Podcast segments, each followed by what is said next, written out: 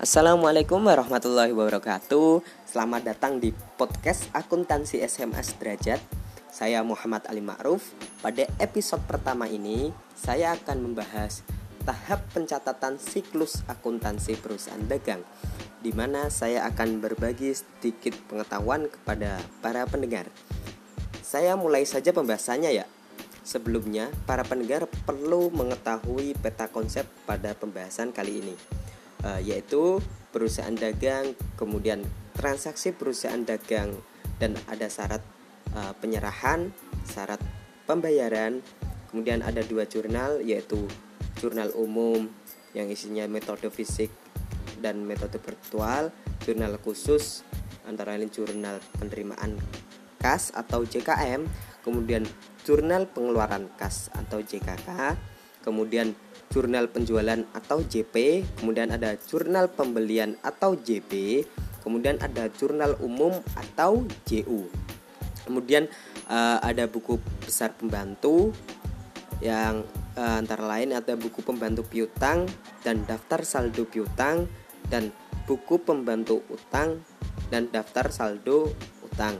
Kemudian uh, selain buku besar pembantu ada juga buku besar utama dan neraca saldo.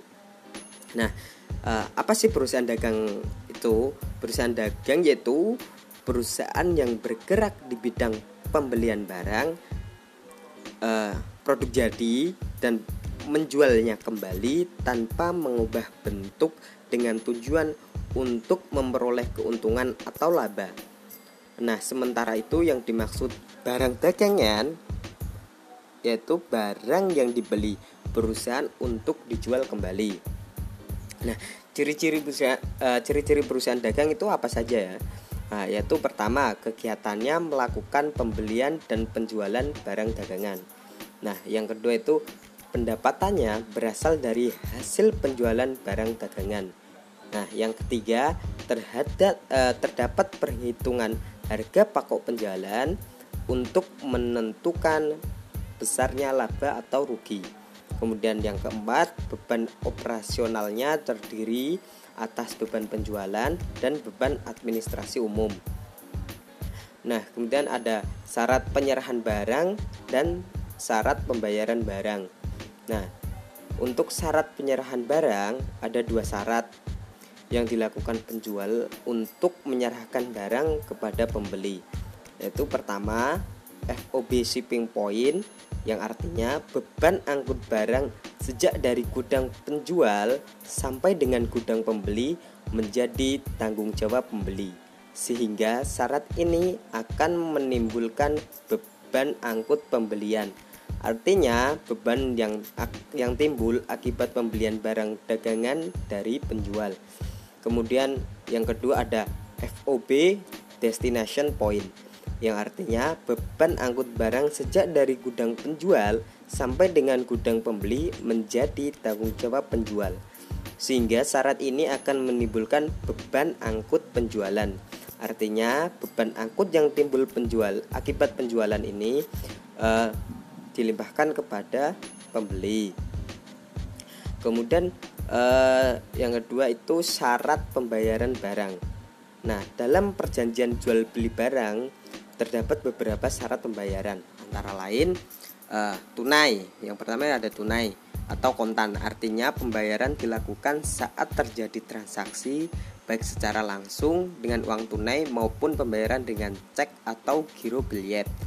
Nah, yang kedua ada N garis miring 30.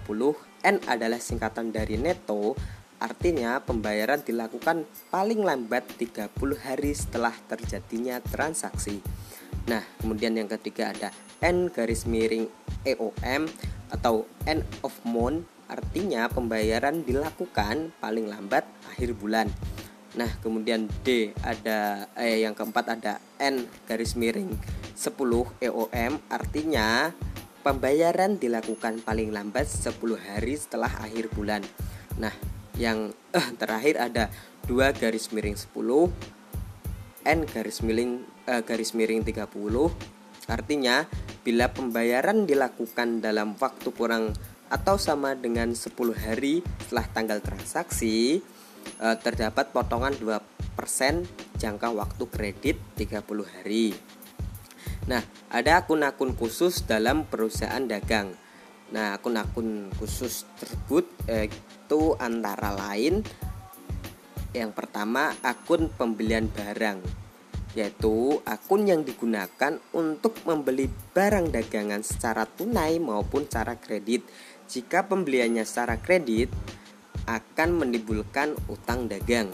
Nah, yang kedua ada akun penjualan barang yaitu uh, yang artinya akun yang digunakan untuk menjual barang dagangan baik secara tunai maupun secara kredit.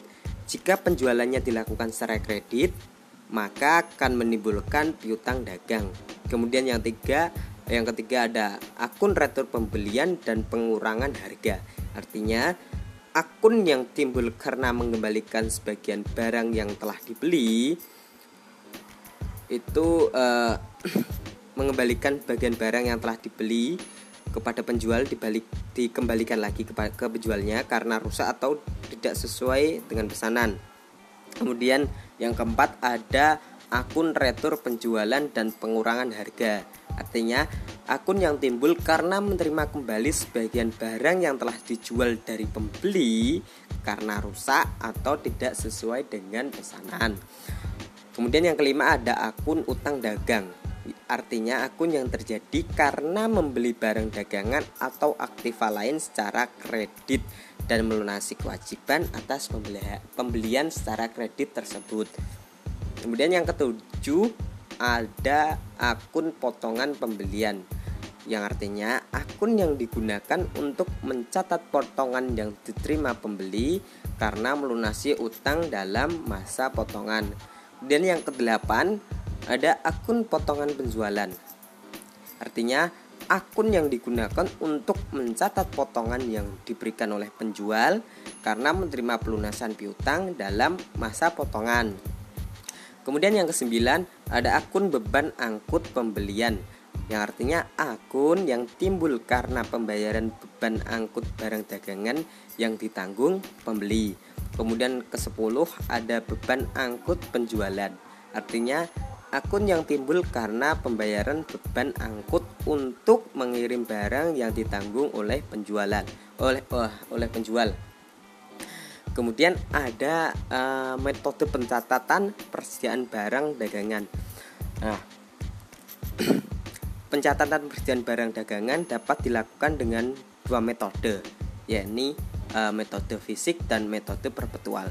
Nah, metode fisik atau periodik ini artinya pencatatan yang berkaitan dengan persediaan barang dagangan yang dilakukan secara yang tidak dilakukan secara kontinu. Perlu digarisbawahi kalau metode fisik itu tidak dilakukan secara kontinu. Sehingga persediaan barang dagangan sehingga persediaan barang dagangan akhir dihitung secara fisik yang ada di gudang. Nah, yang kedua itu uh, metode perpetual atau terus menerus yang artinya pencatatan yang berkaitan dengan persediaan barang dagangan dilakukan secara kontinu. Nah, ini perlu digarisbawahi yaitu dilakukan secara kontinu. Sehingga bila terjadi pembelian akan menambah persediaan barang dagangan dan bila terjadi penjualan akan mengurangi persediaan barang dagangan. Nah, eh, terima kasih telah bergabung dengan saya untuk episode tahap pencatatan siklus akuntansi perusahaan. Nah, untuk uh, pencatatan transaksi ke dalam jurnal umum maupun jurnal khusus itu uh, akan uh, bisa didengarkan pada episode selanjutnya. Nah, para pendengar dapat bergabung dengan saya uh, dengan Para pendengar dapat bergabung dengan saya pada episode selanjutnya untuk lebih banyak mendapatkan pengetahuan mengenai uh, mengenai akuntansi SMA Sederajat. Saya Muhammad Ali Ma'ruf. Selamat belajar, tetap jaga kesehatan dan patuhi protokol kesehatan. Sekian, wassalamualaikum warahmatullahi wabarakatuh.